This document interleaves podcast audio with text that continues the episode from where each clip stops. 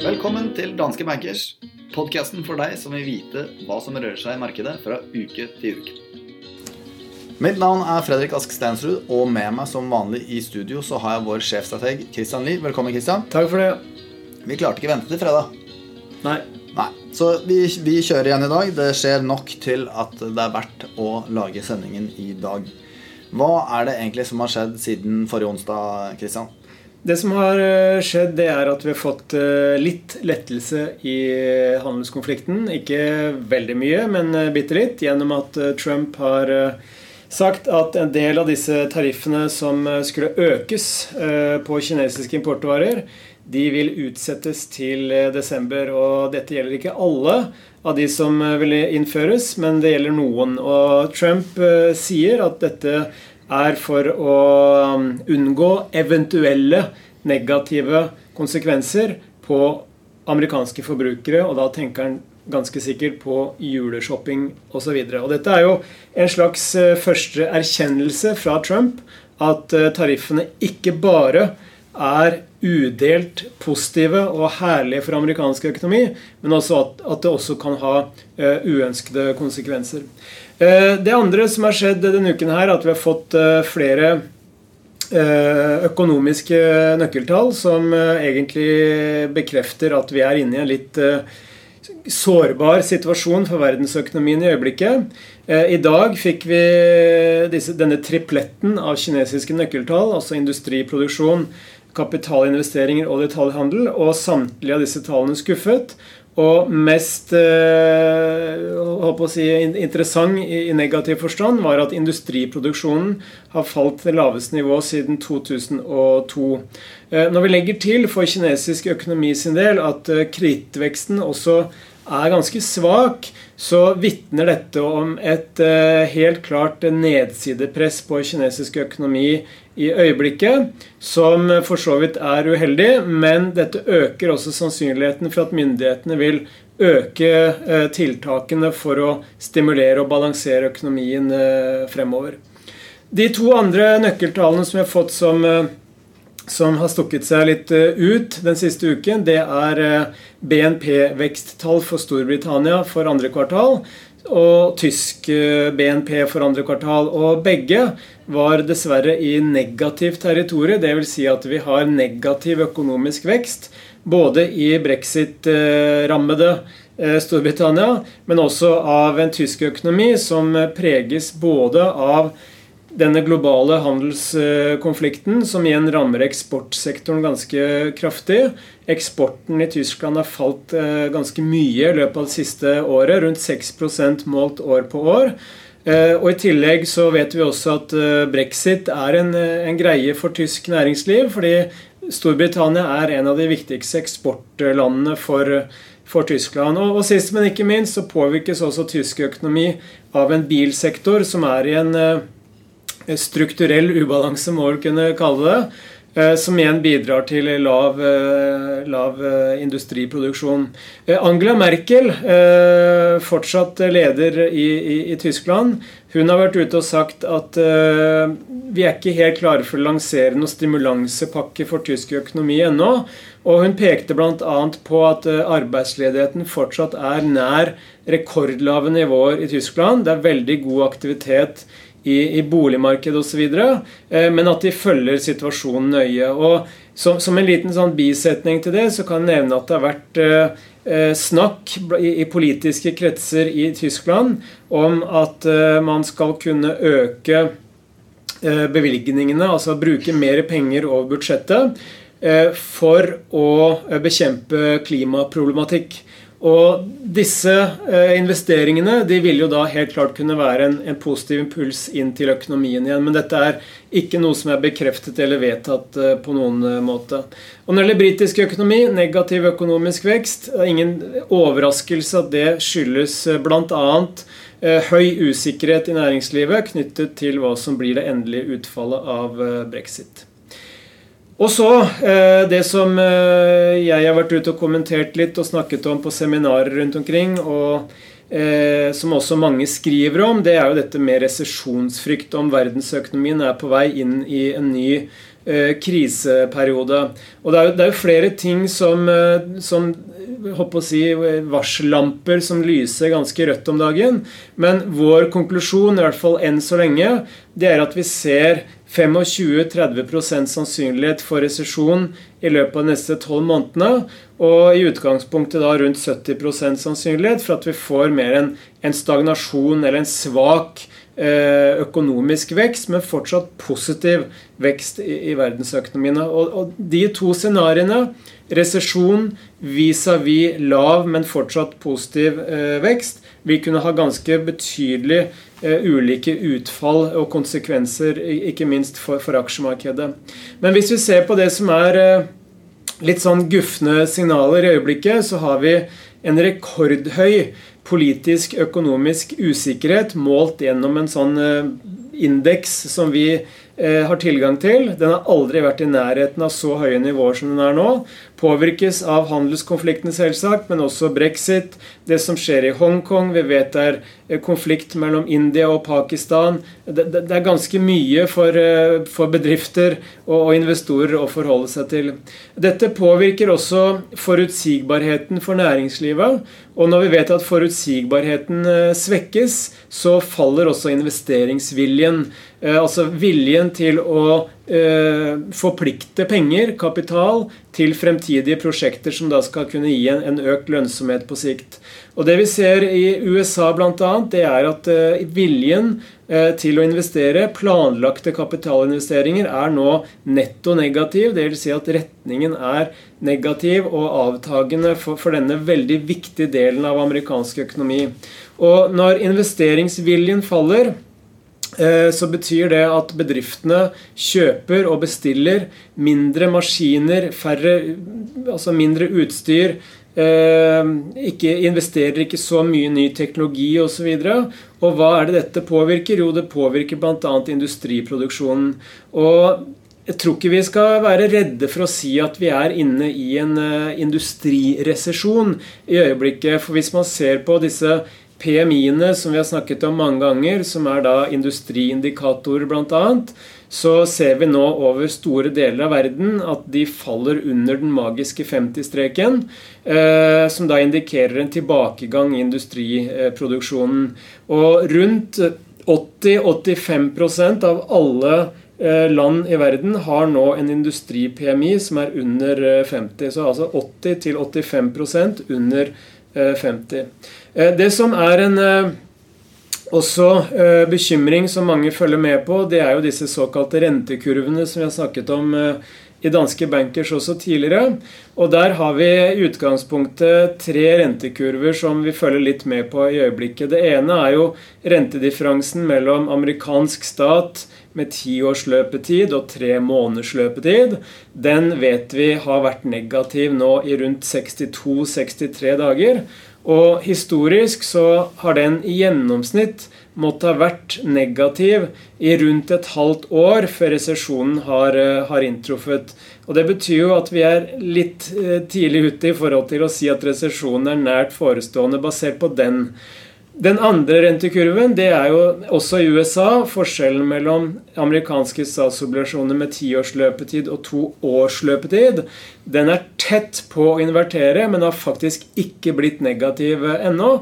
Og bare for å bruke statistikken på ny eh, Historisk i resesjoner eller i forkant av resesjoner i USA eh, siden 1980, så har den i gjennomsnitt måttet vært eh, invertert eh, i tre kvart år før resesjonen er, eh, er, et faktum. Og så kan nevnes den tredje rentekurven. Det er den tyske. Eh, og der har vi jo den, den spesielle situasjonen som vi på, på Hamar ville kalt helt sjukehus hvor hele den tyske rentekurven er negativ. Dvs. Si at uansett om man ser på en tysk statsobligasjon med tre måneder sløpetid, tre år, fem år, ti år, 30 år, så er alle disse negative. og det, er, det har vi jo aldri sett før, og en veldig veldig spesiell situasjon. Men også den tyske rentekurven, ti år minus tre måneder, er nå negativ. Og sist dette skjedde, det var før resesjonen i etter IT-boblen sprakk. og før, før finanskrisen. Så man skal være forsiktig med å si at 'this time is different', men vi tror likevel at vi ikke får noen resesjon i løpet av de neste tolv månedene. i hvert fall. Vi ser helt klart økt mulighet for at vi får en økonomisk nedtur i løpet av de neste to-tre årene. Men på helt kort sikt så, så, frykter vi ikke helt den store smellen. Og litt av grunnen til det, eller den viktigste grunnen til det, det er eh, at gjennom de siste årene så har vi hatt en god utvikling i verdensøkonomien, men vi har langt fra hatt noen boom. Altså, Vi har ikke hatt noen voldsom oppblomstring i den økonomiske aktiviteten, hvor eh, investeringene florerer, hvor gjeldsveksten eksploderer også på husholdningenes hånd, og hvor investorene bare bobler over av optimisme og kjøper aksjer med belånte penger. Eh, den situasjonen har vi Eh, ikke på, på, langt nær eh, i samme skala i dag.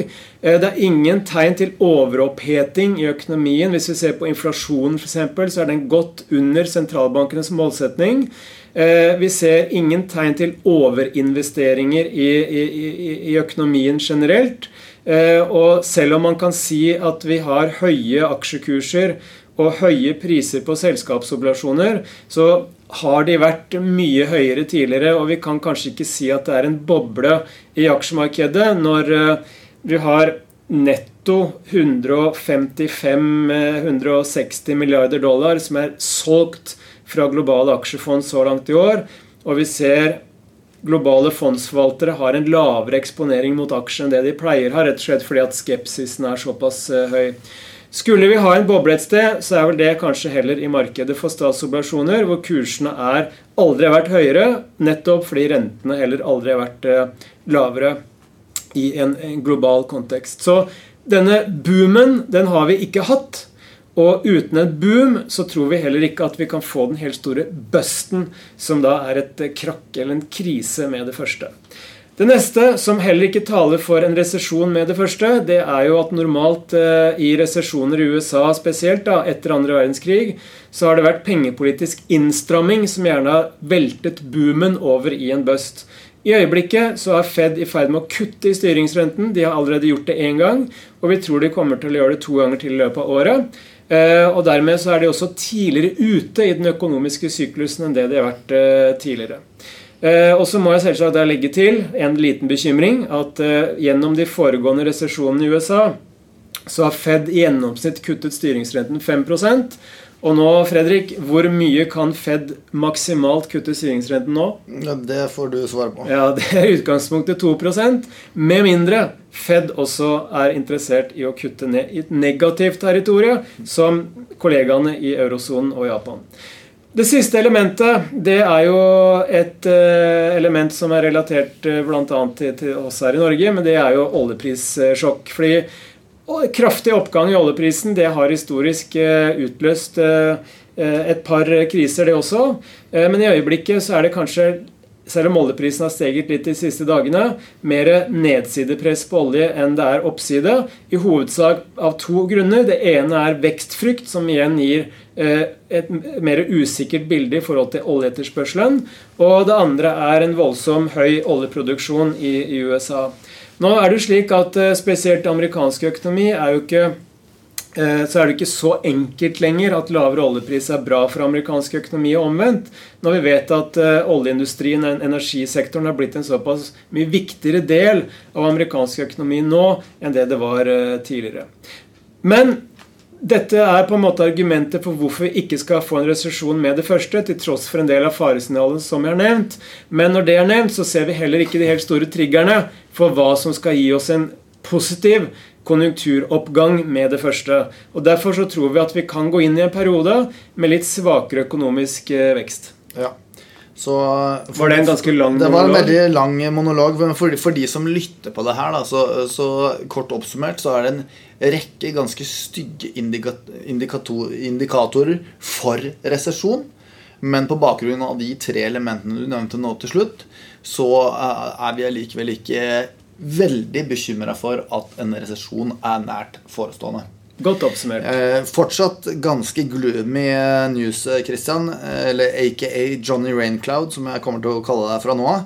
Eh, da håper jeg at du har noe mer positivt å si om neste uke. Det, eller uka som kommer. Er det noen nøkkeltall som kommer nå de nærmeste syv til ni dagene, som kan gi oss noe løft i markedet?